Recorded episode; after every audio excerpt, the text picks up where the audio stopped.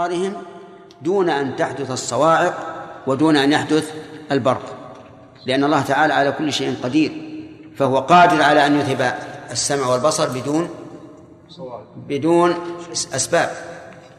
فالسمع بدون صواعق لأن الصواعق صوتها عظيم ربما يصم الآذان. والبرق أيضا آه، نوره عظيم ربما يخطف الأبصار. لو شاء الله لذهب بسمعهم وأبصارهم دون أن يحصل هذا. إن الله على كل شيء قدير. لننظر الآن. على أي شيء ينطبق هذا المثل؟ هذا المثل ينطبق على قوم منافقين لم لم يؤمنوا إطلاقا. لم يؤمنوا. أصلهم منافقون. وهم يهود وهم المنافقون اليهود. لأن المنافقين منهم عرب من الخزرج والأوس ومنهم يهود. من بني إسرائيل. اليهود لم يذوقوا طعم الإسلام أبدا. ليش؟ لأنهم كفار من الأصل. لكن أظهروا الإسلام خوفا من النبي صلى الله عليه وسلم بعد أن عزه الله في بدر. هؤلاء ليس ليسوا على على هدى كالأولين. الأولين استوقدوا النار. وصار عندهم شيء من النور بهذه النار ثم والعياذ بالله انتكسوا. لكن هؤلاء من الأصل من الأصل في ظلمات. فيكون هذا المثل غير المثل الأول. يكون هذا المثل غير المثل الأول. بل هو لقوم آخرين والمنافقون أصناف بلا شك. حال هؤلاء لم يدخلوا في الإسلام من الأصل. فحالهم حال هؤلاء القوم الذين أصابهم الصيب وصارت حالهم إلى ما ترى. فلننظر. الصواعق عبارة عن عن ما في القرآن من الإنذار والخوف. ولهذا يقول الله عنهم في آية أخرى يحسبون كل صيحة عليه آه البرق نور الإسلام. لكنه ليس نورا يستمر. نور البرق كما تعلمون. إيش؟ ينقطع بلحظة وميض. فهؤلاء لم لم يدخل الإيمان في قلوبهم أصلا ولا فكروا في ذلك. وإنما يرون هذا هذا النور العظيم الذي شع فينتفعون به لمجرد خطوة يخطونها فقط. وبعد ذلك يقفون. كذلك أيضا آه، يكاد البرق يخطف أبصارهم لأنهم لا يتمكنون من رؤية النور الذي جاء به النبي صلى الله عليه وسلم بل لكبريائهم وحسدهم للعرب يكاد هذا البرق يعمي أبصارهم لأنه قوي عليهم لا يستطيعون مدافعته ومقابلته. فالظاهر أن أن القول الراجح أن هذين مثلان يتنزلان على صنفين من المنافقين. طيب إذا قال قائل الصنف الأول كيف نقول إنه دخل الإيمان في قلوبهم؟ نقول نعم نعم قال الله تعالى ذلك بأنهم آمنوا ثم كفروا فطبع على قلوبهم فهم لا يفقهون. دخلهم الإيمان لكنه لم يتمكن في قلوبهم. صاروا كالأعراب الذين قالوا آمنا فقال الله قل لم تؤمنوا ولكن قولوا أسلمنا.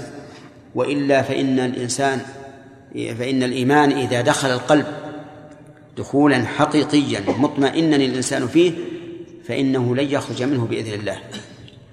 ولهذا سأل هرقل أبا سفيان عن أصحاب الرسول عليه الصلاة والسلام الذين يدخلون في الإسلام هل أحد منهم ارتد عن دينه؟ فقال لا. فقال هذا الإيمان إذا وقر في القلب فإنه لا يخرج منه. لكن الإيمان الإيمان الهش الذي لم يتمكن من القلب هذا هو الذي يخشى على صاحبه. أجارنا الله وإياكم. في هذه الآية من الفوائد ما سبق من كمال بلاغة القرآن وبيانه. وذلك بضرب الأمثال المحسوسة للوصول إلى معرفة المعاني المعقولة. ومن فوائد هذه الآية إثبات القياس. إثبات القياس في الشرع. وقد ذكرنا قبل هذا قاعدة أن كل مثل في القرآن فإنه يدل على إيش؟ على إثبات القياس لأن المراد به إلحاق هذا الشيء بهذا الشيء. ومن فوائد الآية الكريمة أنه كلما عظمت الظلمات صار الإنسان أشد فزعا. لقوله فيه ظلمات ورعد وبرق يجعلون أصابعهم في آذانهم من الصواعق ومن فوائدها أيضا أن الخوف من الرعد والبرق كان أمرا طبيعيا. لما يحدث من الرعد أحيانا من الصواعق. ولو كان مجرد صوت أو ضياء ما خاف الناس لكن الناس يخافون إيش؟ يخافون الصواعق. أما مجرد الصوت فإنه ولو كان أقوى من هذا لا يفزع الناس لكن يفزعون من هذا. إلا أنه قد قيل متى سمعت صوت الرعد فقد سلمت من الصاعقة.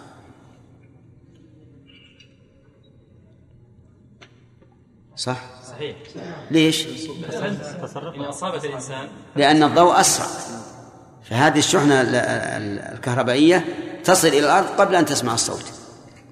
فمتى سمعت الصوت؟ فاعلم أنك سلمت من هذه الصاعقة التي تكون في هذه في هذا في هذا الرعد ومن فوائد هذه الآية بيان شح الإنسان في حياة بحياته لقوله يجعلون أصابعهم في آذانهم من الصواعق حذر الموت. وإلا من المعلوم أن الإنسان لو أقصى أصبعه في أذنه فسوف يتألم. لكنه يتألم خوفا مما هو أشد ألما وهو الموت. هل يمكن أن يستفاد من ذلك ارتكاب أدنى المفسدتين لدفع أعلاهما؟ نعم. أي نعم يمكن. لكن كما تعلمون هذا أمر طبيعي ما هو أمر شرعي. الذي يمكن أن نستدل به على ارتكاب أدنى المفسدتين لدفع أعلاهما ما حصل من الخضر حين خرق السفينة حفاظا عليها. لأن السفينة سوف تمر بملك يأخذ السفن الصالحة غصبا فإذا مرت به وهي مخلوقة تركها. فصار إفساد بعضها من أجل الإبقاء على الجميع ومن فوائد هذه الآية الكريمة تهديد الكفار بأن الله محيط بهم لقوله تعالى والله محيط بالكافرين.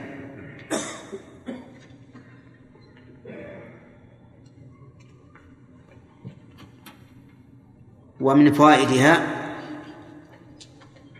الانتقال من المعنى المحسوس إلى المعنى المعقول لأن الله لم يقل محيط بهم بل قال محيط بالكافرين. والمثل الذي ضرب ضرب مثلا للإنسان. يعني أي إنسان إذا إذا حصل ظلمات ورعد وبرق فسوف يخاف ويحذر.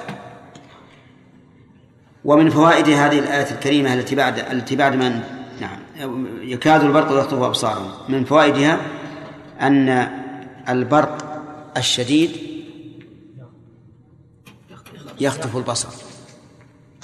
ولهذا ينهى الإنسان أن ينظر إلى إلى البرق حال كون السماء تبرق لئلا يخطف بصره.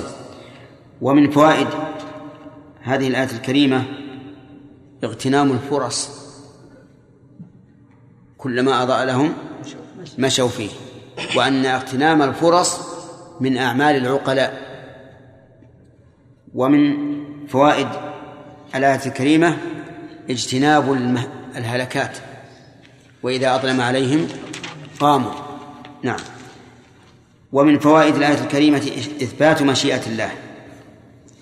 لقول الله تعالى ولو شاء الله لذهب بسمعهم وأبصارهم. ومن فوائدها أنه ينبغي للإنسان أن يلجأ إلى الله عز وجل أن يمتعه بسمعه وبصره. وفي الدعاء الماثور متعنا بأسماعنا وأبصارنا ما أبقيتنا لقوله وإن شاء الله لذهب بسمعهم وأبصارهم. ومن فوائدها إثبات هذا الاسم لله وهو القدير. ومن فوائدها عموم قدرة الله تعالى على كل شيء. فهو جل وعلا على كل شيء قدير. قادر على إيجاد المعدوم وعلى إعدام الموجود وعلى تغيير الصالح إلى فاسد والفاسد إلى صالح وغير ذلك. شيخ قلنا أن إذا سمعت البرق فقد سلمت من الصائل لا لا لا. إذا سمعت البرق إذا سمعت الرعد نعم. فقد سلمت من الصائل نعم. هل هذا يتفق الآية تقول فيه ظلمات ورعد؟ نعم. ثم يجعلون أصابعهم في آذانهم من الصواعق. هذا ظنا منهم. ظنا منهم أنهم يسلمون. لكن ما يسلمون لأن قال والله محيط بالكافرين. إذا هذه هذه المقولة ليست على إطلاق. لا على إطلاقها قد يتكرر لا خلي إذا تكرر. هذه هذه شحنة جديدة. ولهذا قلنا الشحنة السابقة على الرعد. إذا سمعت الرعد ما عاد تصيبك قد قد تصاب بالصاعقة في نفس هذا المطر. إي نعم لكن من شحنة جديدة يعني لو فرض البرق يتكرر فهذا يمكن يأتي من من من من, من غير ما سمعت اولا. بينهما فرق كبير نعم. الصوت والضوء بينهما فرق كبير. إي نعم نعم نعم. شيخ اذا قيل من من فوائد هذه الآية النحو بلاغه أنه عبر بالكل ورد بالجزء هل يلزم من ذلك إثبات المجاز؟ أيهن؟ يجعلون اصابعهم لا ما يلزم ما يلزم لأن كل يعرف إن أصابعهم ليس المراد جميع الأصبع. إذا قيل هكذا أراد عبر بالكل وأراد بالجزء. نعم للمبالغة. لا عبر بالكل وأراد بالجزء انتهى الوقت؟ باقي. سبحان الله. هؤلاء ما يختص بهم؟ لا لا. هو, هو هذا هو الواقع. أنه يكاد يخطف أبصارهم. ولهذا ينبغي الإنسان إذا إذا أراد أن يطفئ المصباح أن يغمض عينيه أو يغطي وجهه. هذا شيء مشاهد. وقد سألنا الأخ رشاد آه، في درس سابق وأقر ذلك. نعم. شيخ ذكر البرق والرعد والتخويف هل هو للمنافقين فقط والكفار أم على إطلاقه؟ يعني لكن الآن يعني لا نخاف يعني مثل البرق. هل ده دليل الإيمان؟ لا لا هذا خوف طبيعي بارك الله فيك. كل إنسان يخاف. ما حد يخاف يا شيخ. ما حد يخاف؟ الصحراء. هذا ما أحد ما أحد ما يخاف إلا إلا الحجاج إن صح ما نقل عنه. أنه لما حصر مكة أرسل الله تعالى السحاب وفيه الرعد والبرق وكانوا يقولون لا يخوفون فيقول لا هذه هذه إيش؟ يعني قعاقع الحجاز أو كلمة نحوها يعني استهتر والعياذ بالله. ولا الإنسان بطبيعته لا بد أن يخاف. انتهى. الرجيم يا أيها الناس اعبدوا ربكم الذي خلقكم والذين من قبلكم لعلكم تتقون. الذي جعل الأرض فراشا والسماء. جعل لكم. الذي جعل لكم الأرض فراشا والسماء بناء وأنزل من السماء ماءً وأنزل من السماء ماء فأخرج به من الثمرات رزقا لكم. فلا تجعلوا لله أندادا وأنتم تعلمون. وإن كنتم في ريب مما نزلنا على عبدنا فأتوا بسورة من مثله فأتوا بسورة من مثله وادعوا شهداءكم دون الله إن كنتم صادقين. فإن لم تفعلوا ولن تفعلوا فاتقوا النار التي وقودها الناس والحجارة أعدت للكافرين. أحسنت. أعوذ بالله من الشيطان الرجيم. قال الله تعالى يا أيها الناس اعبدوا ربكم الذي خلقكم والذين من قبلكم. الخطاب هنا ورد بيا, أيها الناس مع أن السورة مدنية وأكثر من يخاطب في السورة المدنية هم المؤمنون. ولهذا جعل المتكلمون في أصول التفسير جعل من من علامة السور المدنية أن الخطاب يكون فيها موجها للمؤمنين. بخلاف الآيات المكية لأن أكثر من يخاطب بها من ليس بمؤمن. لكن هذه الآية هي أول آية فيها النداء. أول آية فيها نداء هي هذه الآية. يا أيها الناس اعبدوا ربكم ولهذا وجه الخطاب بها أو النداء بها إلى جميع الناس. كما في قوله تعالى قل يا أيها الناس إني رسول الله إليكم جميعا. ولو قال قائل لعل هذه آية مكية جعلت في السورة المدنية. نقول الأصل عدم ذلك. ولهذا نرى في بعض عناوين السور آه، آه، مكية إلا آية كذا وكذا مدنية إلا آية كذا وكذا هذا غير مسلم. حتى يثبت ذلك بدليل صحيح وإلا فالأصل أن السور المدنية جميع آياتها مدنية وأن السور المكية جميع آياتها مكية إلا بدليل ثابت. يا أيها الناس اعبدوا ربكم الذي خلقكم. في هذه اعبدوا ربكم الذي خلقكم. إثبات الألوهية يعني إثبات توحيد الألوهية وتوحيد الربوبية. اعبدوا هذا توحيد الألوهية لأن توحيد الألوهية يسمى توحيد ألوهية باعتبار إضافته إلى الله وتوحيد عبادة باعتبار إضافته إلى العبد. يقول الله تعالى اعبدوا ربكم. فما معنى فما هي العبادة التي أمرنا بها؟ العبادة التي أمرنا بها هي التذلل لله عز وجل ذلا تاما مستلزما للمحبة والتعظيم. لا بد وإلا لم يكن الإنسان عبدا. أن يتذلل لله تعالى ذلا كاملا. إيش؟ مستلزما للمحبة والتعظيم. فبالمحبة يكون فعل الأوامر. حتى يصل العابد إلى محبوبه وبالتعظيم يكون الفرار من النواهي لئلا يعذبه ربه العظيم عز وجل. هذا هو معنى العبادة. التذلل لله إيش؟ ذلا كاملا مستلزما للمحبة والتعظيم. طيب هذا تفسير العبادة بالنسبة لفعل العبد. قد تفسر العبادة بالنسبة لمفعول العبد. بالنسبة لمفعوله فيقال مثلا الصلاة عبادة. الزكاة عبادة الصوم عبادة. وعلى هذا فسرها شيخ الإسلام ابن تيمية رحمه الله حيث قال رحمه الله العبادة اسم جامع لكل ما يحبه الله ويرضاه من الأقوال والأعمال الباطنة والظاهرة. ثم ضرب أمثلة بالصلاة والزكاة وغيرها. وحينئذ نقول العبادة تطلق على معنيين المعنى الأول التعبد والمعنى الثاني المتعبد به وهو فعل العبد. آه، وهو مفعول العبد يعني ما فعله العبد. واضح يا جماعة؟ طيب أي الم... ما المراد بالآية؟ المعنيان أو أو المعنى الأول؟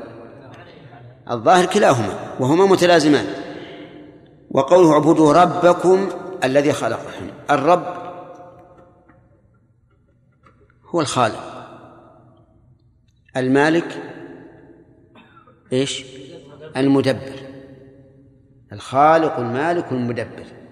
وعلى هذا فيكون قوله الذي خلقكم صفة كاشفة مبينة للواقع وليست صفة احترازية. لأنه ليس لنا ربان أحدهما خالق والثاني غير خالق بل ربنا هو الخالق. فالصفة هنا إذن صفة كاشفة وليست صفة احترازية. واعبدوا ربكم الذي خلقكم والخلق هو الإيجاد من عدم الإيجاد من عدم. ولم يخلق الناس إلا الله عز وجل. لا يخلقهم أب ولا أم ولا ملك ولا أحد. لا يخلقهم إلا الله. وإذا كان الله تعالى يقول لن يخلقوا ذبابا ولو اجتمعوا له فمن فعدم خلق بني آدم من باب أولى. نعم. والذين من قبلكم يعني وخلق الذين من قبلكم. ولهذا نجد سبحان الله بنو آدم يتسلسلون. تنظر إلى المسجد أو تنظر إلى مجتمع تجد هذا له سبعون سنة وهذا له خمسون وهذا له أربعون وهذا له ثلاثون وهذا له عشرون وهذا له عشر وهذا له خمس. من أجل أن يعمر الكون. يتعاقبون. فإذا تأملت هذا عرفت كمال سلطان الله عز وجل وكمال حكمته. هؤلاء الذين قبلنا مخلوقون ونحن من ذريتهم. وجعلنا ذريته هم الباقين ذرية نوح. نحن من ذريتهم إذن من تفرع على مخلوق فهو مخلوق. والذين من قبلكم. وعلى هذا فقوله والذين من قبلكم معطوف على على الكاف في خلقكم. نعم. والذين من قبلكم. لعلكم تتقون. لعل هنا للتعليل أي لتصلوا إلى التقوى. ومعلوم أن التقوى مرتبة عالية. حتى قال الله عز وجل في الجنة أعدت للمتقين. وقال تعالى إن الله مع الذين اتقوا والذين هم محسنون. وقال تعالى واعلموا أن الله مع المتقين. لعلكم تتقون. الذي الذي جعل لكم الأرض فراشا والسماء بناء وأنزل من السماء ماء فأخرج به من الثمرات رزقا لكم. هذا من باب تعدد أنواعا أو تعديد أنواع من أفعاله عز وجل. جعل الله لنا الأرض فراشا موطأة. يستقر الإنسان عليها استقرارا كاملا ليست نشزا وليست مؤلمة. عند النوم عليها أو السكون عليها أو ما أشبه ذلك.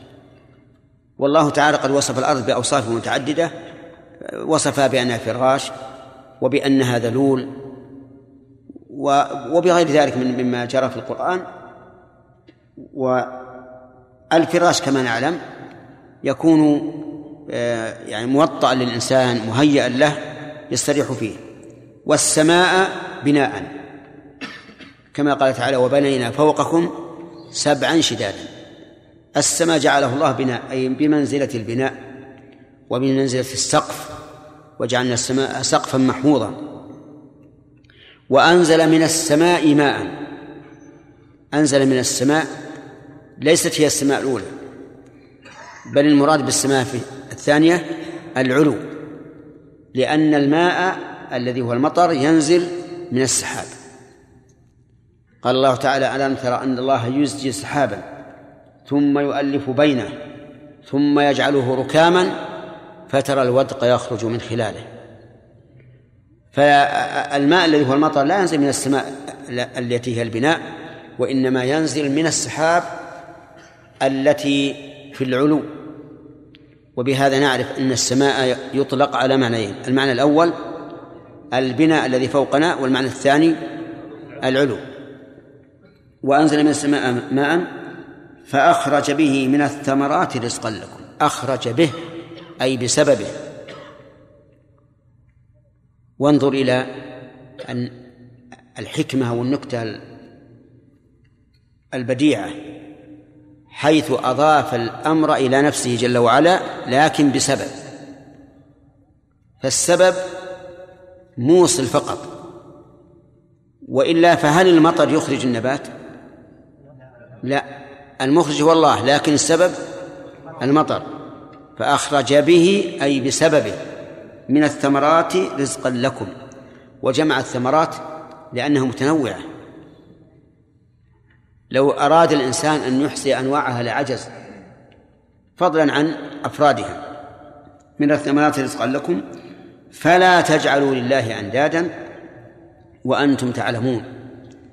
فلا تجعلوا لله أندادا في العبادة. وأنتم لا وأنتم تعلمون أنه لا ند له في الخلق والرزق وإنزال المطر وما أشبه ذلك من أفعال الربوبية. لأن المشركين يقرون بأن الخالق هو الله والرازق هو الله والمدبر للأمر هو الله. يقرون بهذا إقرارا تاما ويعلمون أنه لا إله مع الله في هذا. لكن في العبادة ينكرون هذا يشركون يجعلون مع الله إلها آخر وينكرون على من وحد الله. حتى قالوا في الرسول عليه الصلاة والسلام أجعل الآلهة إلها واحدا إلها واحدا إن هذا لشيء عجاب. ونقول ما شاء الله. من الذي جاء بالأمر بالشيء العجاب؟ هم. أما الرسول عليه الصلاة والسلام جاء بالصواب لكن هم جاءوا بالشيء العجاب نسأل الله العافية. إذن فلا تجعلوا الله أندادا في إيش؟ وأنتم تعلمون أنه لا ند له في الربوبية من الخلق والرزق وغير ذلك. وإقراركم بالخلق والرزق أن الله منفرد به يلزم أن تجعلوا العباد أن تجعلوا العبادة لله وحده. فإن لم تفعلوا فأنتم متناقضون. ولهذا قال العلماء رحمهم الله توحيد الألوهية متضمن لتوحيد الربوبية وتوحيد الربوبية مستلزم لتوحيد الألوهية. يعني من أقر بالربوبية لزمه آه، آه، أن يقر بالألوهية ومن أقر بالألوهية فإنه لم يقر بها حتى كان قد أقر بالربوبية. فتوحيد الألوهية متضمن لتوحيد الربوبية وتوحيد الربوبية مستلزم لتوحيد الألوهية. في هذه الآية من الفوائد آه، أولا العناية بالعبادة. يستفاد هذا من من وجهين. الوجه الأول تسطير الأمر بها بالنداء.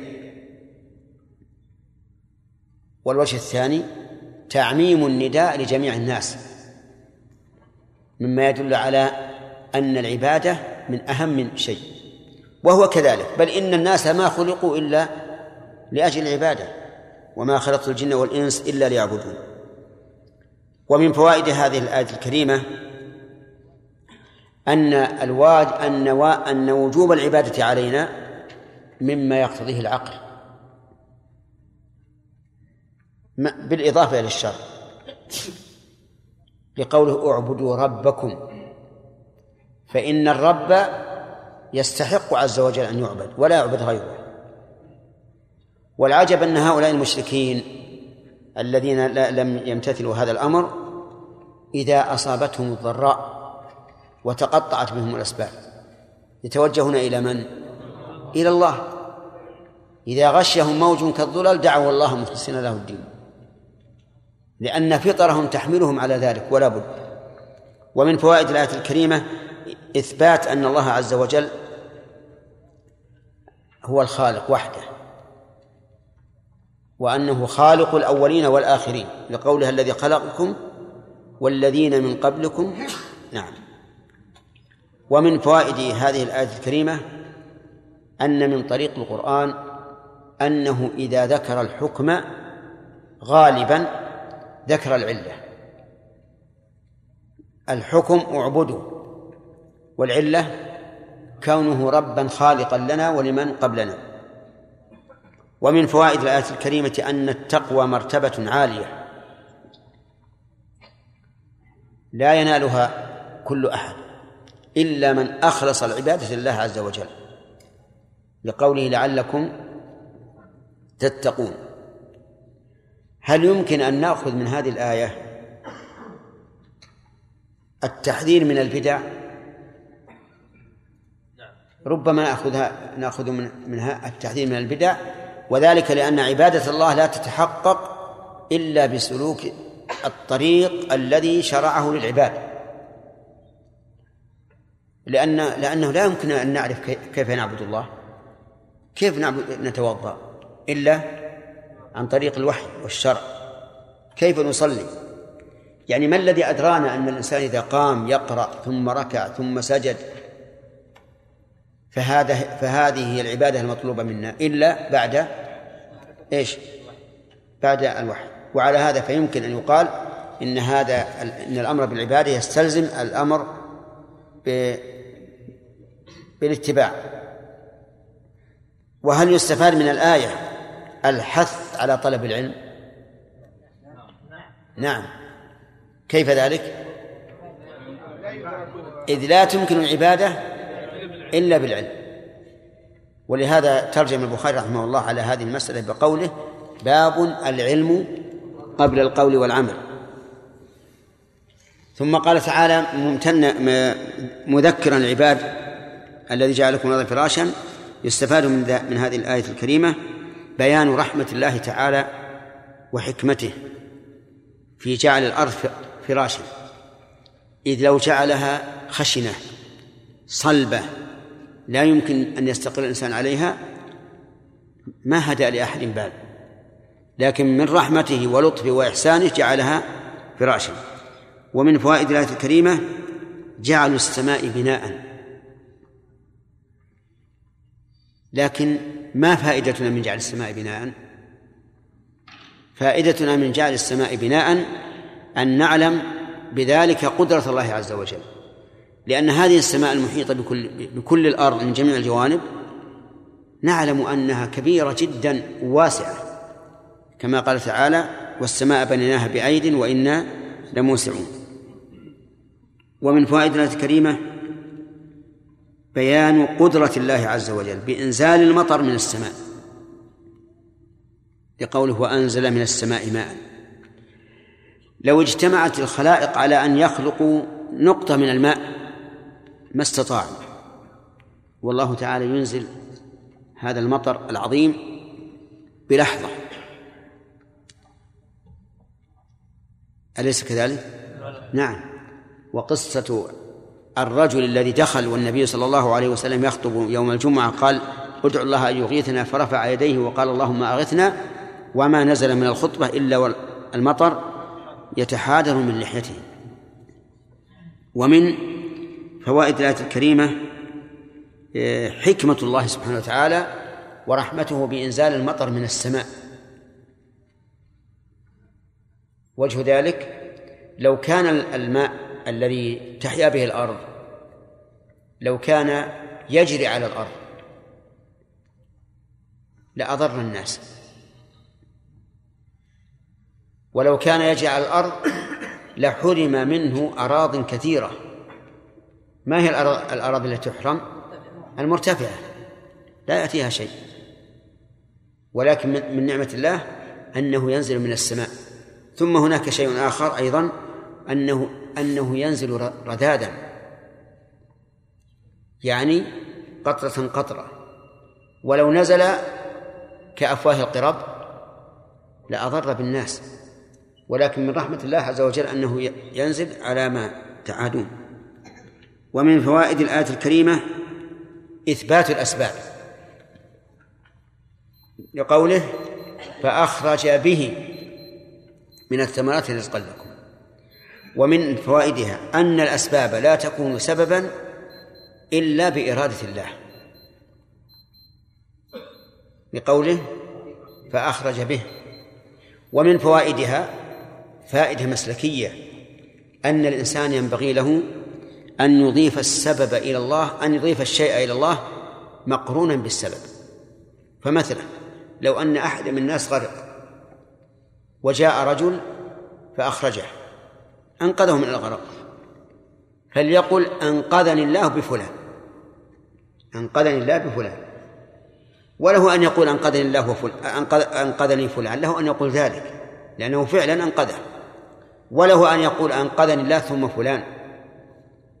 كم هذه من من صيغة؟ وليس له أن يقول أنقذني الله وفلان لأن هذا تشريك مع الله. ويدل لهذا أي الاختيار أن يضيف الشيء إلى الله عز وجل مقرونا بالسبب أن النبي صلى الله عليه وسلم لما دعا الغلام اليهودي للإسلام وكان هذا الغلام في سياق الموت فعرض عليه النبي صلى الله عليه وعلى آله وسلم أن يسلم فأسلم لكنه أسلم بعد أن استشار أباه. التفت إليه ينظر إليه يستشيره قال أطع أبا القاسم.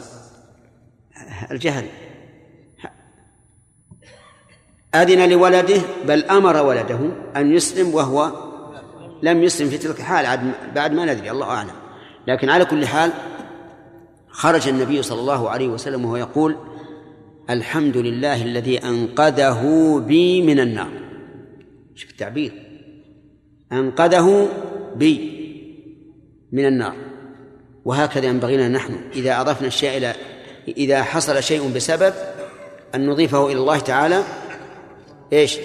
مقرونا ببيان السبب. طيب. ومن فوائد الآية الكريمة قدرة الله عز وجل وفضله بإخراج هذه الثمرات من الماء.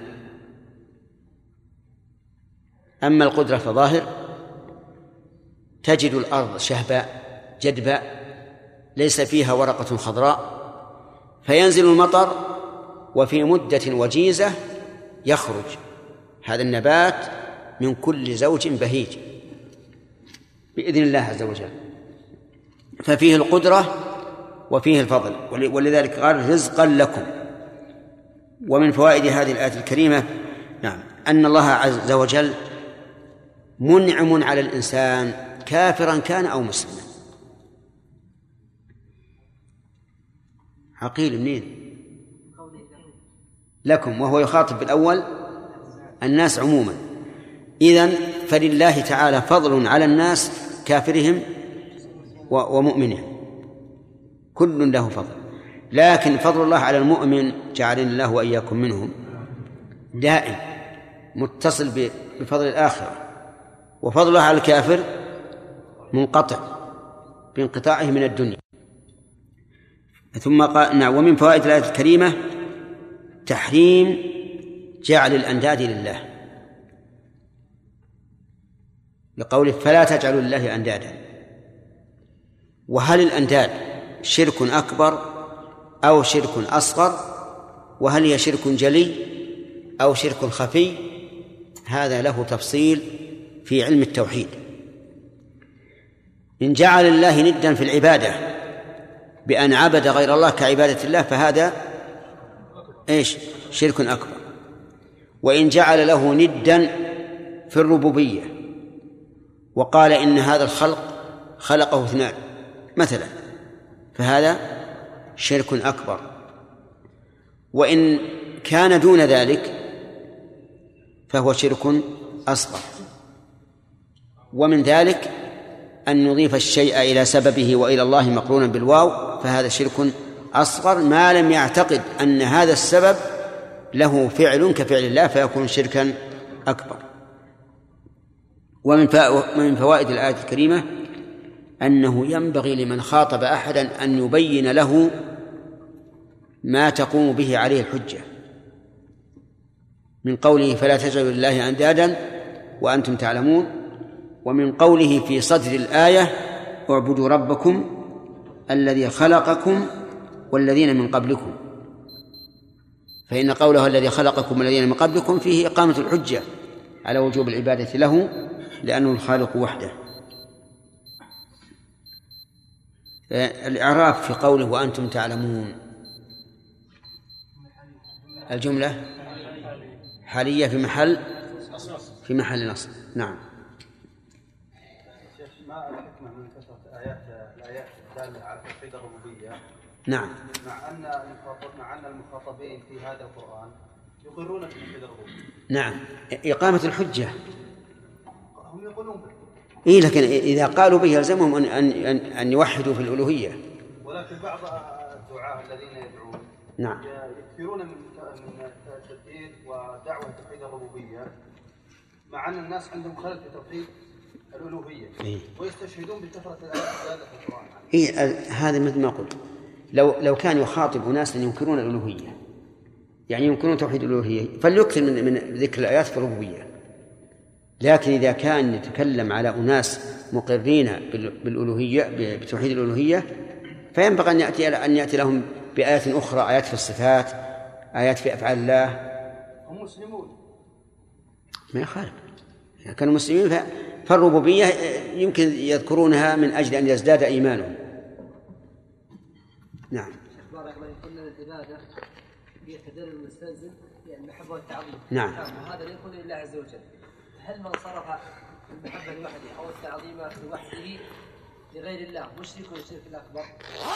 إي نعم إذا أحب احدا مثل محبة الله أو أعظم فهو مشرك شركا أكبر. وعظم أحد؟ أو عظم احدا مثل تعظيم الله أو أو أشد. حتى لو عظم الكعبة مثل تعظيم الله أو عظم الرسول عليه الصلاة والسلام مثل تعظيم الله كان مشركا شركا أكبر. شيخ ما نقول يعني لهؤلاء الذين عند القبور مثل الأولياء. فهم يحبونهم ويعظمونهم. لكن ما نعلم هل أحبهم بحب الله أم لا؟ نقول هكذا. نقول بالتفصيل. ثم نقول لهذا هل أنت تحب هذا أشد من حب الله؟ إن حبه وعظمه لكن يعني في أناس الآن يحبون الرسول أكثر من محبة الله. وأنا أذكر أن أناسا من الحجاج ونحن في جدة في المسجد جاء وقت المنع من السفر إلى المدينة لأنه أظن بعد رابع ذي الحجة يمنعونه من السفر إلى المدينة خوفا عليهم من التأخر. فجعل يبكي بكاء شديدا ليش؟ قال نور عيني. من نور عينه؟ يعني الرسول عليه الصلاة والسلام. أنا ما جئت إلا لهذا. شوف الحين جايني بيحج يقول أنا نور عيني ما جئت الا إلا له. في ظني أن هذا يمكن محبة الرسول في قلبه أكثر من محبة الله. فمثل هؤلاء يجب أن يبين لهم يقال لولا محبة الله ما أحببنا الرسول ولولا أن أن محمد رسول الله ما أحببناه هذا المحبة ولا قدمنا محبته على أنفسنا وأهلنا وأولادنا. من أين وجب لنا أن نعظم رسول الله صلوات الله وسلامه عليه؟ من أجل أنه رسول ربنا ما هو من أجل أنه محمد بن عبد الله.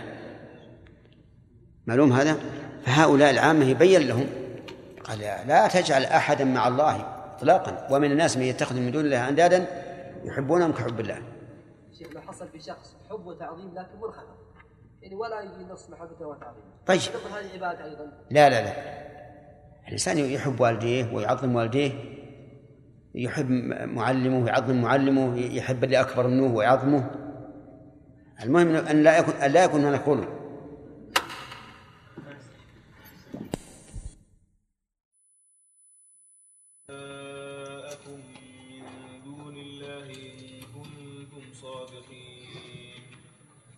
لم تفعلوا ولن تفعلوا فاتقوا النار التي وقودها الناس والحجارة أعدت للكافرين. وبشر الذين آمنوا وعملوا الصالحات أن لهم جنات تجري من تحتها الأنهار. كلما رزقوا منها من ثمرة رزقا قالوا هذا الذي رزقنا من قبل وأتوا به متشابها ولهم فيها أزواج مطهرة وهم فيها خالدون. أعوذ بالله من الشيطان الرجيم. قال الله تعالى وإن كنتم في ريب مما نزلنا على عبدنا إلى آخره الخطاب لمن جعل لله أندادا. لأنه قال فلا تجعلوا لله أندادا وأنتم تعلمون. وإن كنتم في ريب.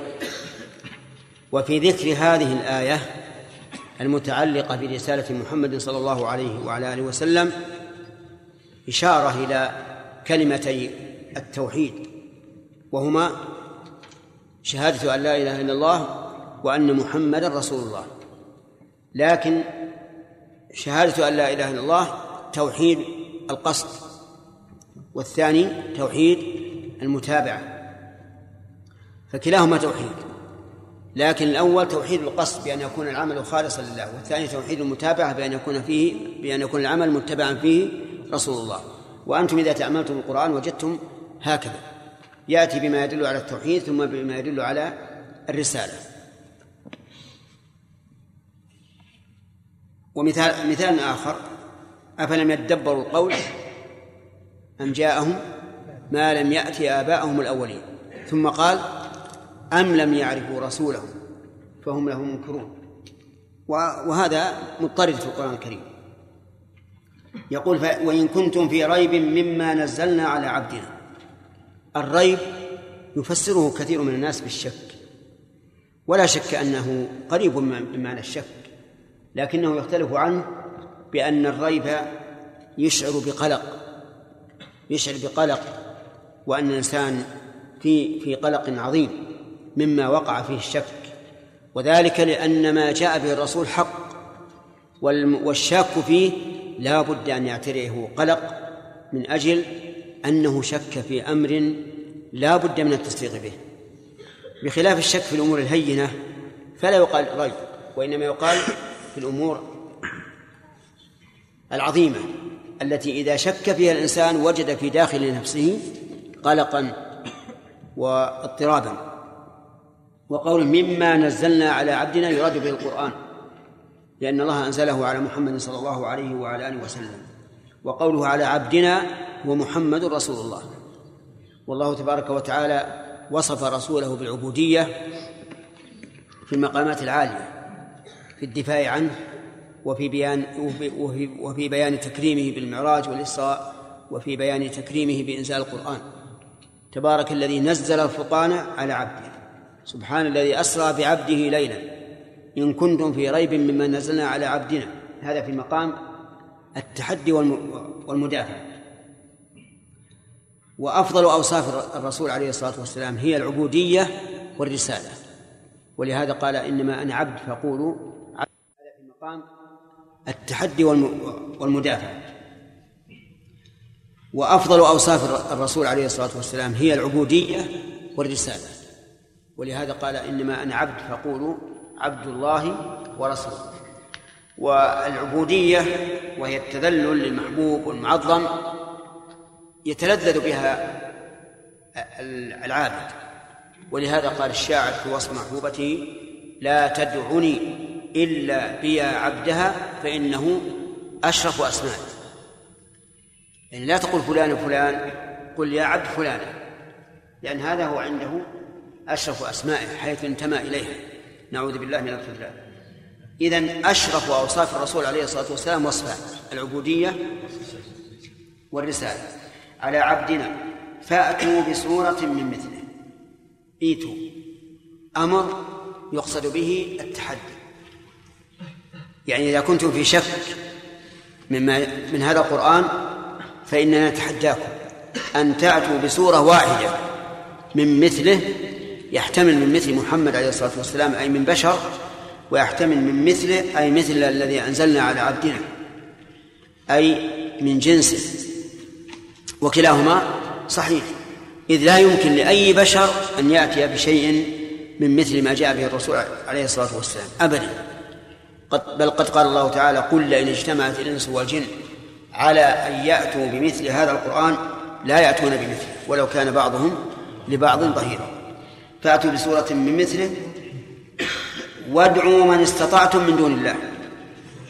ونعم. وادعوا شهداءكم من دون الله.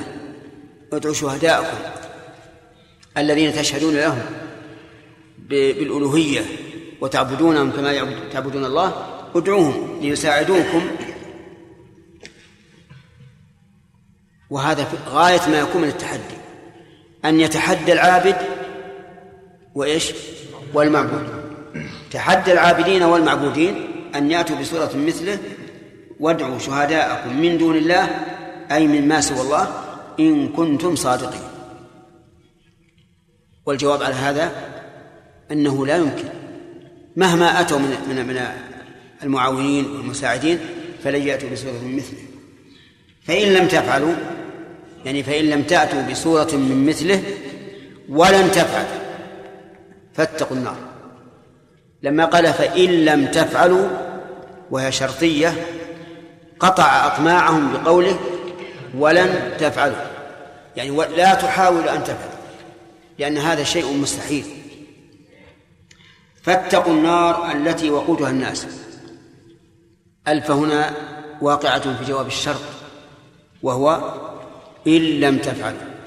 يعني إن لم تفعلوا وتعارضوا القرآن بمثله فالنار مثواكم. اتقوا الله آه، اتقوا النار. ولن يجدوا ما يتقون به النار إلا أن يؤمنوا بما أنزل على محمد صلى الله عليه وسلم. التي وقودها الناس والحجارة التي اسم موصول صفة للنار وقود مبتدأ. والناس خبر مبتدأ. وقودها الوقود ما يوقد به الشيء. كالحطب مثلا في نار الدنيا في, في الآخرة وقود النار هم الناس والحجارة. فالنار تحرقهم وتلتهب بهم. نسأل الله العافية. الحجارة قال بعض العلماء إن المراد بها الحجارة المعبودة يعني الأصنام لأنهم يعبدون الأصنام. فأصنامهم هذه تكون معهم في النار كما قال تعالى إنكم وما تعبدون من دون الله حصب جهنم أنتم لها واردون. وقيل إن الحجارة حجارة نارية والعياذ بالله يزداد بها حر النار. ولا تبرد نسأل الله العافية. ولكن لا مانع من أن يكون المراد هذا وهذا الحجارة المعبودة والحجارة الموقودة التي خلقها الله عز وجل لتوقد بها النار. أعدت للكافرين أعدت الضمير المستتر يعود على النار والمعد لها هو الله عز وجل. ومعنى الإعداد؟ التهيئة للشيء. وقول الكافرين أي لكل كافر سواء كفر بالرسالة أو كفر بالألوهية أو بغير ذلك. في هذا الحديث فوائد في هذه الآيات فوائد. أولا بيان دفاع الله سبحانه وتعالى عن رسوله صلى الله عليه وسلم. لقوله اقرأ الآيات كلها وقل يؤخذ من هذه الآيات. حدد. نعم. عبدنا. لا. إن كنتم في ريب إن كنتم في ريب مما نزلنا على عبدنا. يعني هذا أن أن عبدنا ليس مما يشك فيه ممن يشك فيه. نعم. مما نزلنا على عبدنا. فأتوا بسورة مثل هذا وجه الدفاع لأن الأمر هنا للتحدي. فالله عز وجل يتحدى هؤلاء أن يأتوا بمعارض لما جاء به الرسول عليه الصلاة والسلام ومنها فضيلة النبي صلى الله عليه وسلم لوصفه بالعبودية والعبودية لله عز وجل هي غاية الحرية لأن من لم يعبد الله فلا بد أن يعبد غيره. فإذا لم يعبد الله عز وجل الذي هو المستحق للعبادة عبد الشيطان والهوى. كما قال ابن القيم رحمه الله في النونية هربوا من الرق الذي خلقوا له وبلوا برق النفس والشيطان. ومن فوائد هذه الآية أن القرآن كلام الله لقوله مما نزلنا ووجه كونه كلام الله أن الكلام أن القرآن كلام والكلام ليس أجساما تخلق وتكون بائنة عن, عن الله عز وجل. فهو وصف المتكلم وبهذا نعرف أن من ادعى أن القرآن مخلوق وقال إن الله قال إنا جعلناه قرآنا عربيا وقال أنزلنا إليك الذكر وما أشبه ذلك فقوله مردود عليه. ولا حجة له في مثل قوله تعالى وأنزلنا الحديد فيه بأس شديد.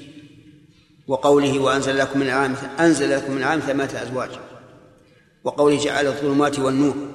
كل هذا لا حجة فيه لوجود الفرق بين الأعيان القائمة بنفسها التي يضيفها الله لنفسه وبين الأوصاف التي ليست قائمة بنفسها. ومن فوائد الآية علو الله عز وجل لأنه إذا تقرر أن القرآن كلام وأنه منزل من عنده لزم من ذلك علو المتكلم به. وعلو الله عز وجل أمر فطري عقلي. وسبق أن ذكرنا له خمسة أنواع من الأدلة وهي الكتاب والسنة والإجماع والعقل والفطرة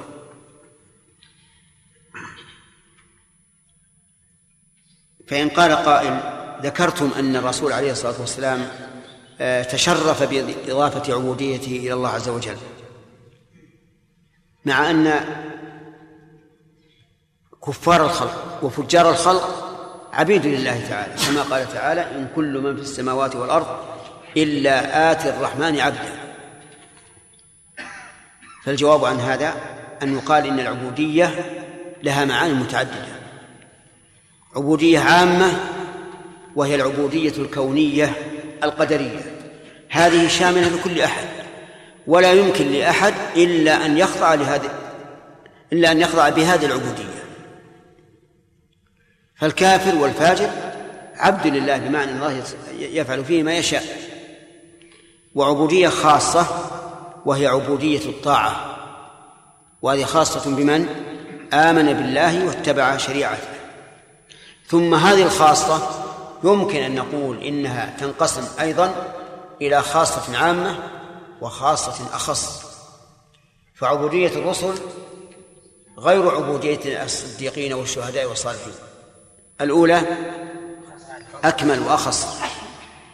ومن فوائد هذه الآية الكريمة أن القرآن معجز حتى بسورة ولو كانت قصيرة.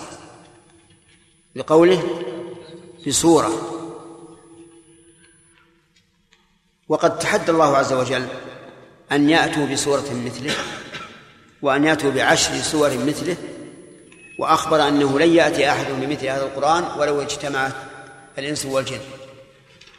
وأقل ما ما نعلم أن يأتوا بحديث مثله. يعني ولو بجملة واحدة لا يأتون. قال الله تعالى أم يقولون تقوله بل لا يؤمنون فليأتوا بحديث مثله إن كانوا صادقين. والحديث يطلق على الجملة وإن قلت. فعلى هذا يكون التحدي على أربعة أوجه. بالقرآن كله بعشر سور منه بسورة بحديث. ومن فوائد هذه الآية الكريمة تحدي هؤلاء العابدين للآلهة مع معبوديهم. وهذا أشد ذلا مما لو تحدوا فقط. كأنه يقول أنتم وآلهتكم ائتوا بسورة من مثله. وهذا أشد ما يكون ذلا وإذلالا وخزيا وعارا. ومن فوائد هذه الآية الكريمة أنه لا يمكن أن يعارض أحد كلام الله. بقوله ولن تفعلوا. وفي هذه الجملة حجتان. حجة لقول من قال بالصرفة. بمعنى أن البشر بمقتضى طبيعته قادر على أن يأتي بمثل القرآن لكن صرف عنه. وعلى هذا فأداة تحدي ممكنة. لكن وجد وجد مانع. وجد مانع وهو أن الله صرفه عن معارضته بحيث لا يريدونه والقول الثاني الحجة الثانية أن أنهم لن يفعلوا بمقتضى طبيعتهم لا أنهم صرفوا وباستطاعتهم أن يعارضوا القرآن. وهذا القول هو المتعين. لأن القول الأول أو الاحتمال الأول لا يدل على أن القرآن بذاته معجز إذ أنه يمكنهم أن يأتوا بمثله لكن الله صرفهم ولم يلتفتوا إلى هذا ولم يفكروا فيه. ولكن نقول هذا خطأ بل الصواب أن الإنسان بنفسه لا يستطيع أن يأتي بمثل القرآن لأن القرآن صفة لأن القرآن كلام الله. والكلام صفة المتكلم فكما أن البشر لا يمكن أن يماثل الله تعالى بصفاته فلا يمكن أن يماثل الله بإيش؟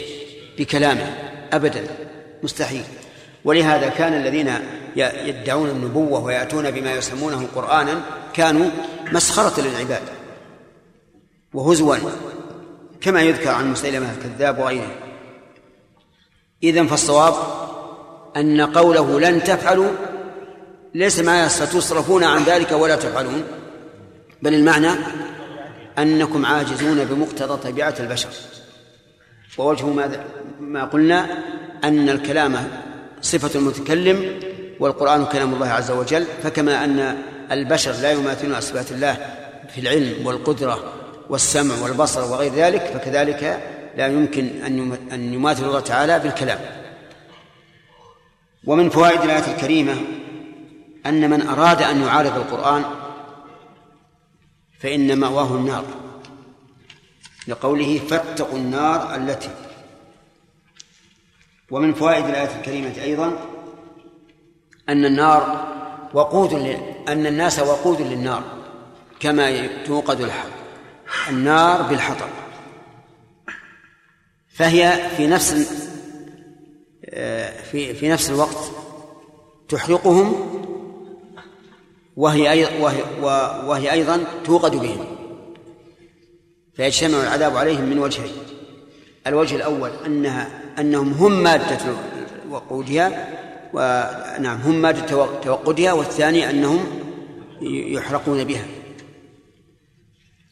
ومن فوائد هذه الآية الكريمة إهانة هؤلاء الكفار بإذلال آلهتهم وطرحها في النار على أحد احتمالين في قوله الحجارة.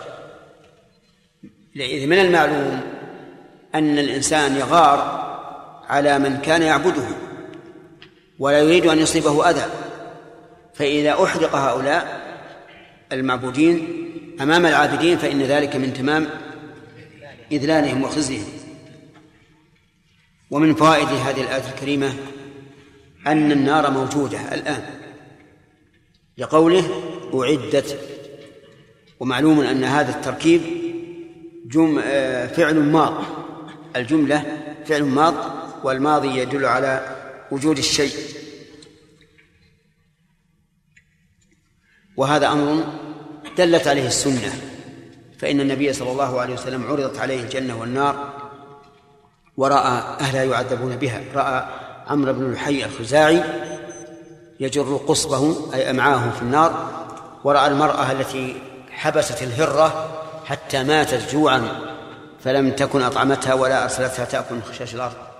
ورأى منها ورأى فيها صاحب المحجن يعذب وهو رجل معه محجن أي عصا محية الرأس. كان يسرق الحجاج بهذه الطريقة. إذا مر به الحجاج جذبهم بالمحجن. فإن تفطن صاحب الرحل لذلك ادعى أن الذي جذبه المحجن. والله هذا المحجن هو الذي جذب. وإن لم يتفطن أخذه ومشى. فكان يعذب والعياذ بالله بمحجنه في نار جهنم. ثم هل النار باقية أو تفنى؟ ذكر بعض العلماء إجماع السلف على أنها تبقى ولا تفنى. وذكر بعضهم خلافا عن بعض السلف أنها تفنى والصواب أنها تبقى أبد الآبدين. والدليل على هذا من كتاب الله عز وجل في ثلاث آيات من القرآن. في سورة النساء وسورة الأحزاب وسورة الجن. فأما الآية التي في سورة النساء فهي قوله زكي. إن الذين إن الذين إن لا لا لا, لا. ما يمكن تقفز. نعم. نعم. ولا يهديهم طريقا إلا طريق جهنم خالدين فيها أبدا أحسنت. بارك فيك. والتي في سورة الأحزاب؟ المؤخر. شاركونا. بارك الله فيكم نعم.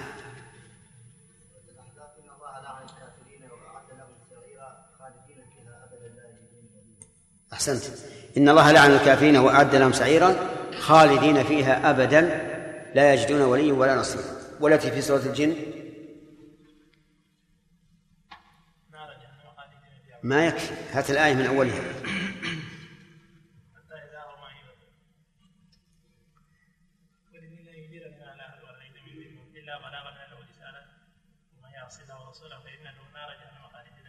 ومن يعص الله ورسوله فإن له نار جهنم. خالدين فيها أبدا. وليس بعد كلام الله كلام. حتى أني أذكر تعليقا لشيخنا عبد الرحمن بن سعدي رحمه الله على كتاب شفاء العليم ابن القيم ذكر أن هذا من باب لكل جواد كبوة ولكل صارف صارم نبوة كيف إن المؤلف رحمه الله يستدل بهذه الأدلة على القول بفناء النار مع أن الأمر فيها واضح؟ وهو صحيح غريب على ابن القيم رحمه الله أنه يسوق الأدلة بهذه القوة للقول بأن النار تفنى. وعلى كل حال كما قال شيخنا في هذه المسألة لكل جواد كبوة ولكل صارم نبوة. وهذه من كبوات ابن القيم رحمه الله. والصواب الذي لا شك فيه وهو عندي مقطوع به أن النار باقية أبد الآبدين.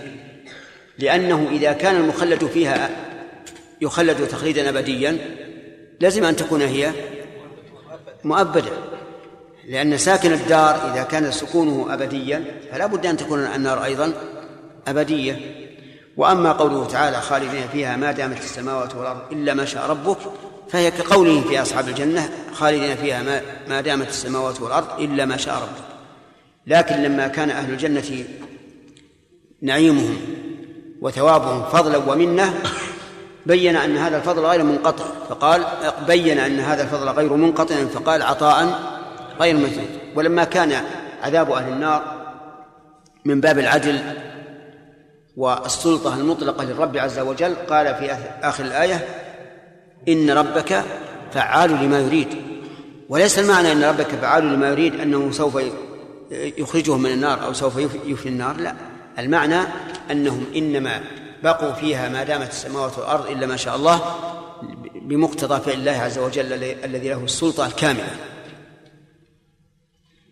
ومن فوائد هذه الآية الكريمة أن النار دار للكافرين. بقول أعدت للكافرين وأما من دخلها من العصاة فإنهم لا يبقون فيها. فهم فيها كالزوار وكالضيوف. لا بد أن يخرجوا منها. فلا تسمى النار دارا لهم بل هي دار للكافر فقط.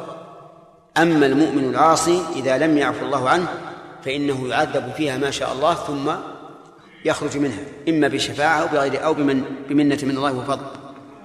وأما أهل النار الذين هم أهلها فقد أعدت لهم فلا يخرجون منها. أجارنا الله وإياكم منها. ولما ذكر سبحانه وتعالى هذا الوعيد لأهل النار قال وبشر الذين آمنوا وعملوا الصالحات. لكن قبل أن نتجاوز الآية التي نحن بصدد تفسيرها آه، إذا قال قائل ما وجه الإعجاز في القرآن؟ وكيف أعجز البشر؟ هذه واحدة. ثانيا حكى الله عز وجل عن الأنبياء والرسل ومن عاندهم حكى عنهم أقوالا نعم. وهذا وهذه الحكاية تحكي قول من حكيت عنه. فيكون قول هؤلاء معجزا. يعني مثلا فرعون قال لموسى لئن لم تنتهي نعم. إيش؟ لئن اتخذت إلها غيري لأجعلنك من المسجونين. هذا يحكي الله عن فرعون. فيكون القول قول من؟ قول فرعون. فكيف كان كان قول فرعون معجزا. والإعجاز إنما هو قول الله عز وجل. فالجواب عن الأول بماذا كان معجزا؟ أنه كان معجز بجميع وجوه الإعجاز من حيث الأسلوب والبلاغة والفصاحة وعدم الملل في قراءته. الإنسان يقرأ القرآن صباحا ومساء وربما يختمه في اليومين والثلاثة ولا يمله إطلاقا. لكن لو كرر متن من المتون ها؟ كما يكرر القرآن مل.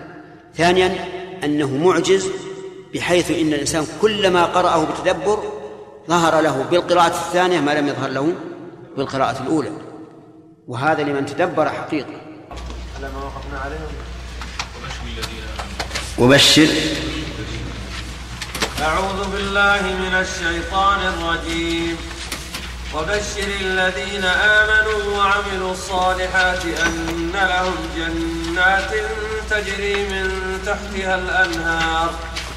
كلما رزقوا منها من ثمرة رزقا قالوا هذا الذي رزقنا من قبل وأتوا به متشابها.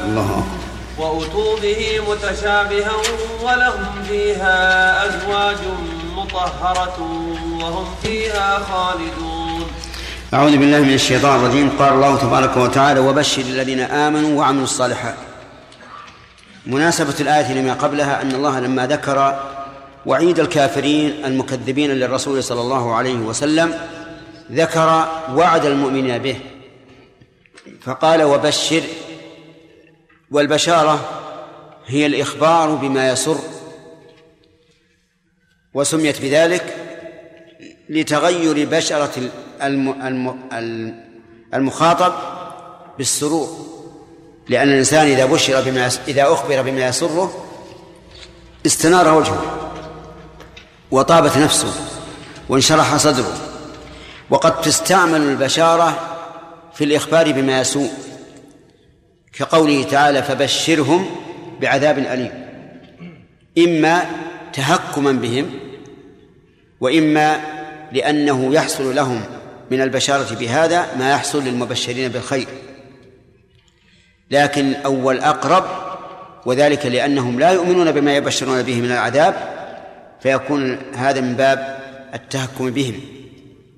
كقوله تعالى في عذابهم يوم القيامة ثم صبوا فوق رأسه من عذاب الحميم ذق إنك أنت العزيز الكريم. وبشر الذين آمنوا. والخطاب في قول بشر إما للرسول عليه الصلاة والسلام أو لكل من يتوجه إليه الخطاب. يعني بشر أيها المخاطب من اتصفوا بهذه الصفات بأن لهم جنات.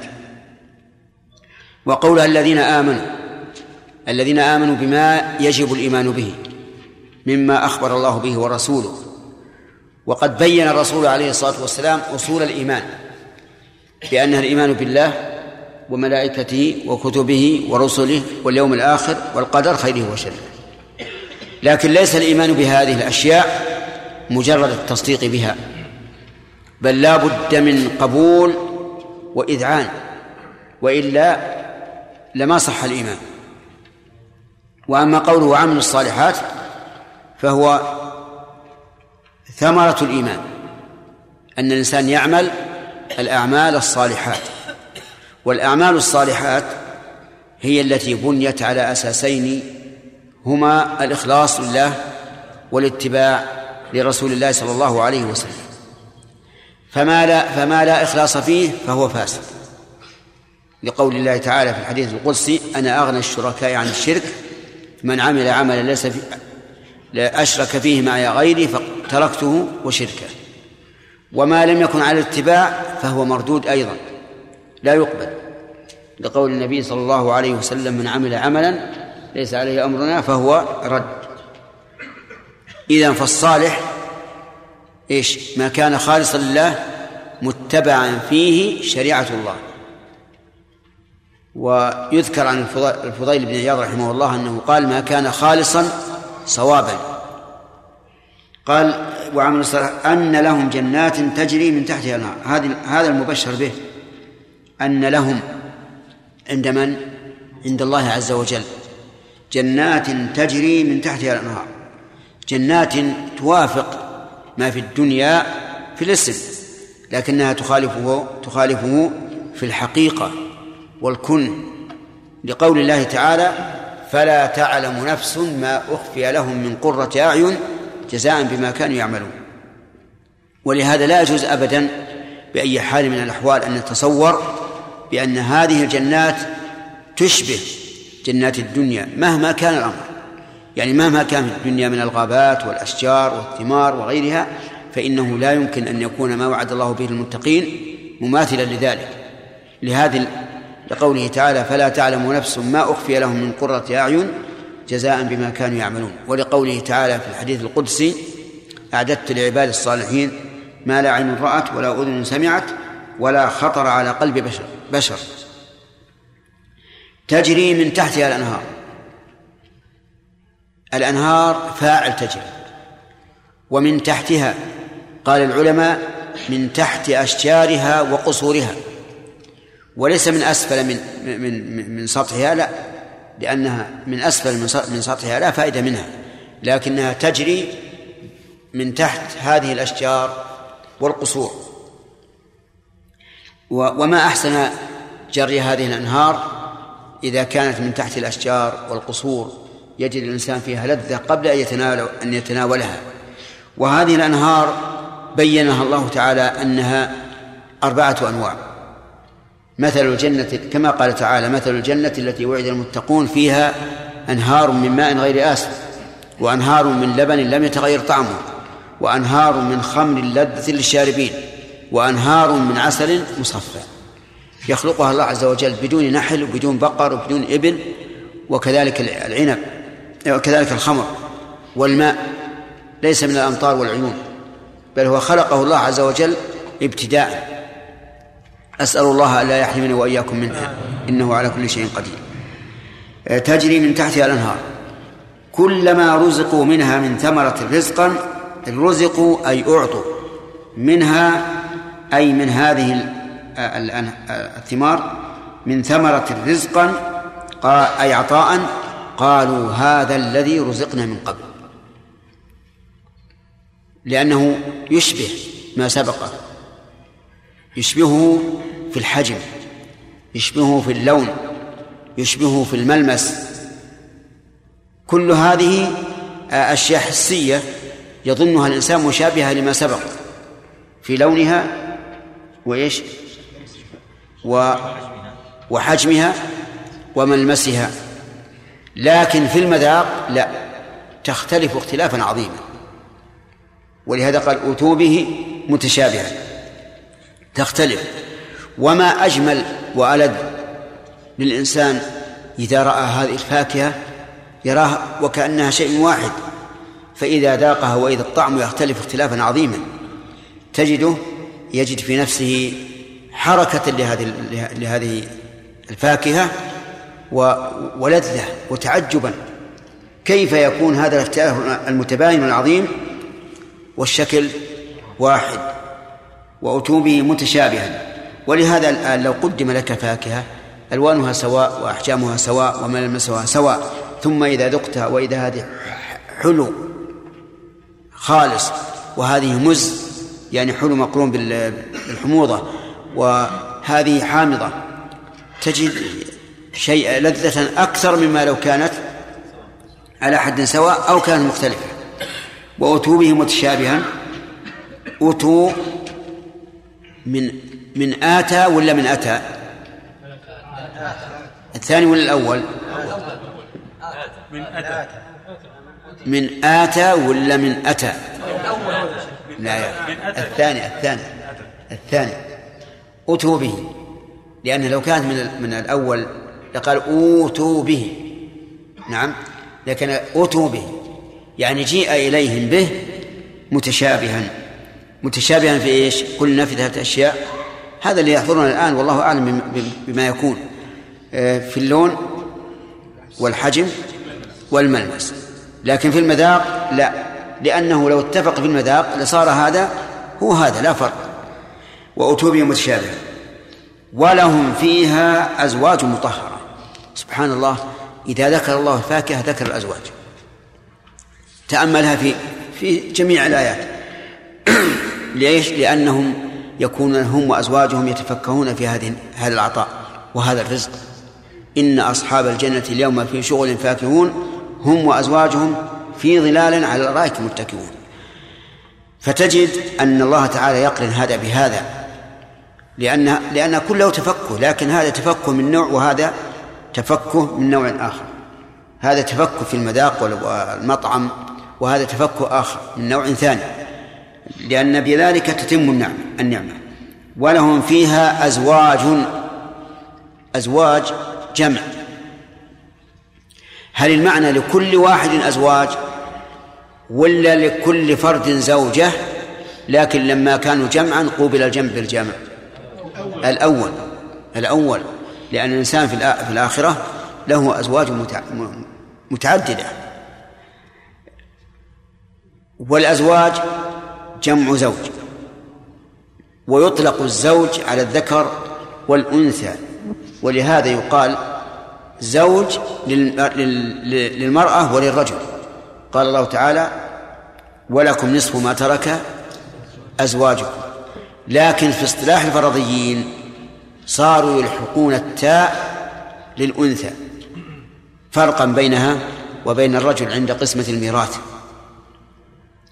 ولهم فيها أزواج مطهرة. طيب إذا إذا كانت المرأة ماتت وهي صغيرة لم تتزوج يكون لها زوج في الآخرة؟ نعم. يكون لها زوج في الآخرة. إما من أهل الدنيا وإما ممن ينشئهم الله عز وجل لأنه يبقى في الجنة فضل عمن دخلها من أهل الدنيا فينشئ الله لها أقواما فيدخلهم فيدخلهم الجنة بفضله ورحمته. وقوله مطهرة يشمل طهارة الظاهر والباطن. فهي مطهرة من الأداء القدر لا بول. ولا غائط ولا حيض ولا نفاس ولا استحاضة ولا عرق ولا بخر. مطهرة من كل شيء ظاهر. حسي. مطهرة أيضا من الأقدار الباطنة كالغل والحقد والكراهية والبغضاء وغير ذلك. مطهرة من كل شيء من كل قدر وأذى ظاهري أو أو باطني. بخلاف أزواج الدنيا. لكن أزواج الدنيا مناسبة تماما لأزواجهم الذكور. لأنها إذا لم تطهر من هذا فزوجها زوجها مثلها. لكن في, في الآخرة الكل مطهر. ولهم فيها أزواج مطهرة وهم فيها خالدون. وهذا تمام النعيم. أنهم خالدون في هذه في هذه الجنات. لا يبغون عنها حولا ولا يحولون منها.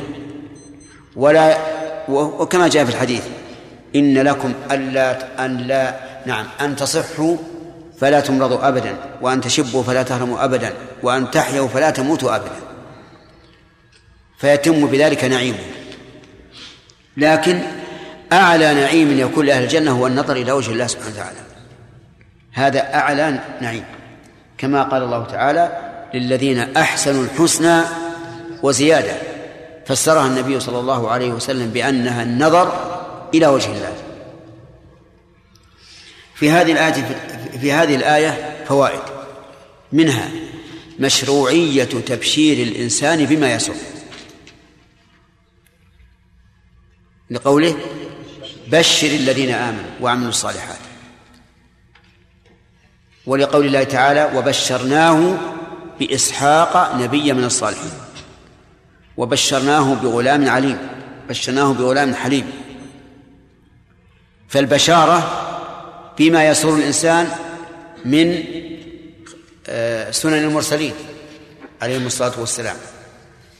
طيب لكن إذا كان يسر الإنسان معصية الله فهل تبشره؟ يعني إنسان حصل له سرقة مثلا سرق. نعم.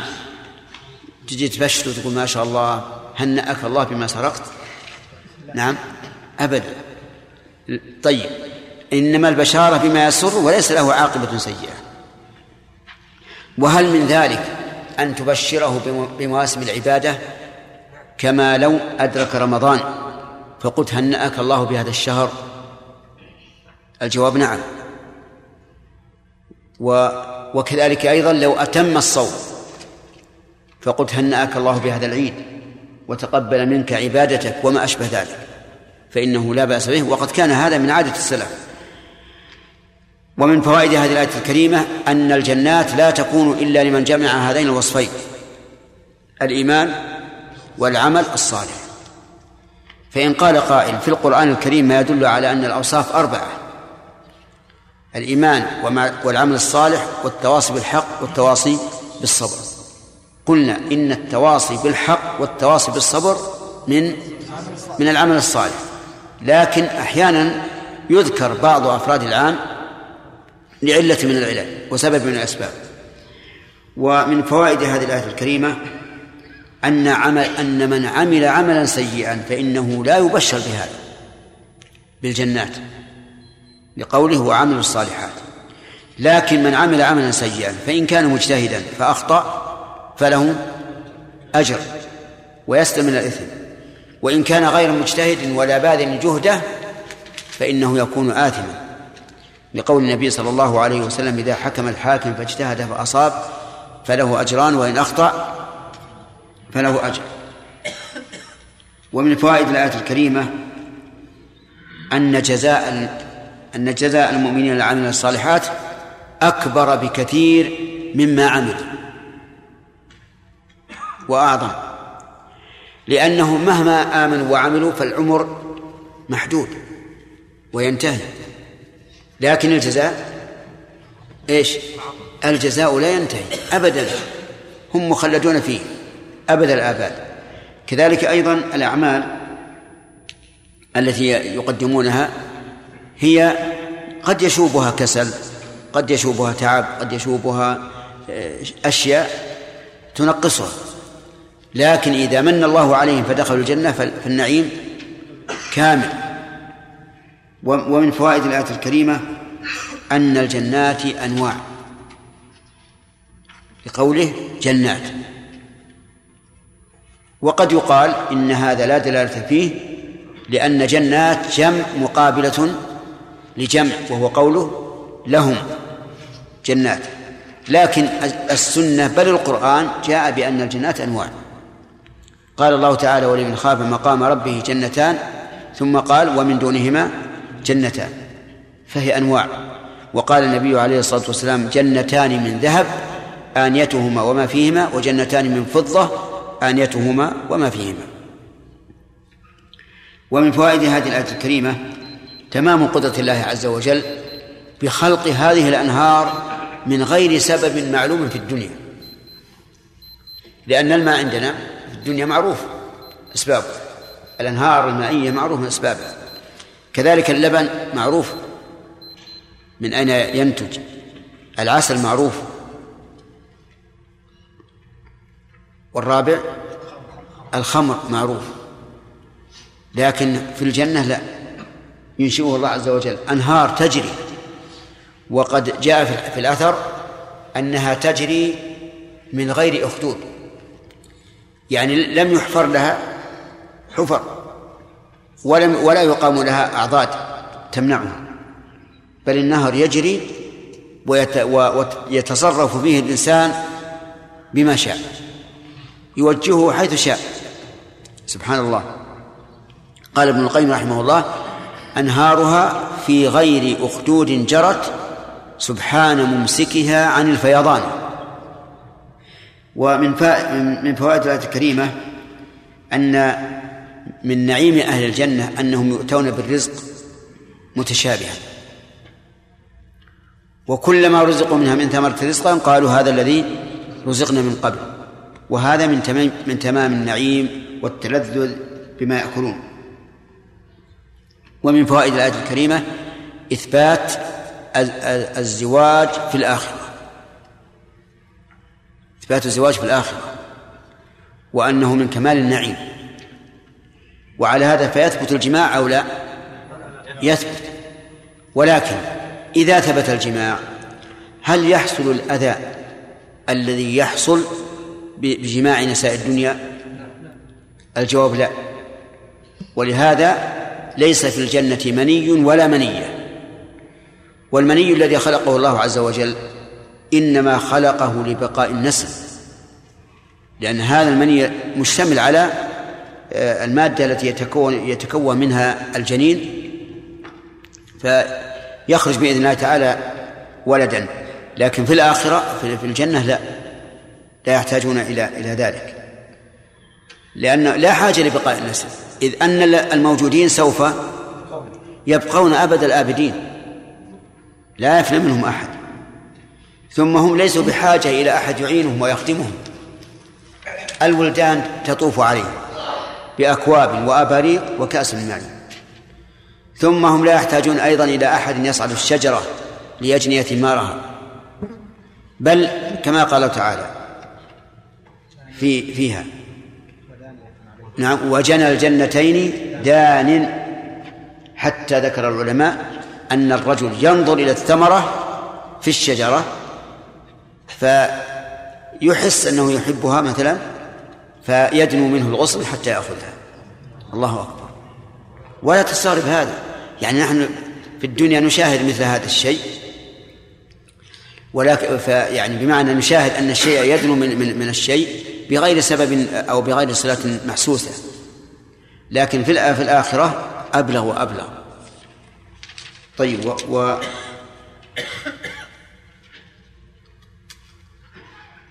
ومن فوائد الآية الكريمة أن أهل الجنة خالدون فيها. أن أهل الجنة خالدون فيها أبد الآباد. لا يمكن أن تفنى ولا يمكن أن يفنى من فيها. وقد أجمع على ذلك أهل السنة والجماعة. وأنكر من من أنكر وأنكر ذلك من أنكره من أهل الفلسفة الذين قالوا إن الله يمتنع عليه دوام الفعل في الأزل وفي الأبد والعياذ بالله. فجعل الله معطلا في الابتداء ومعطلا في الانتهاء. حتى قال بعضهم والعياذ بالله إن الجنة تفنى بمن فيها والإنسان رافع لقمته إلى فمه فيحل الفناء ويبقى رافعا اللقمة بياكل تبقى اللقمة ويده فانية. نعم. كما قال ابن القيم في النونية أن العلاف أتى بضحكة بضحكة مجانية. يعني كذلك الإنسان مع أهله مع زوجته يجامعها فيأتي وقت الفناء. نعم. ويبقى معها أبد الآبدين. فانيا نسأل الله العافية. على كل حال الجنة أهلها خالدون فيها بإجماع أهل السنة أبد الآبدين. والنار كذلك على القول المتعين هو الراجح أنها لا تفنى أنها تفنى. قصدي أعوذ بالله. النار على القول المتعين أنها لا تفنى. وأنها باقية أبد الآبدين. بنص كلام رب العالمين عز وجل.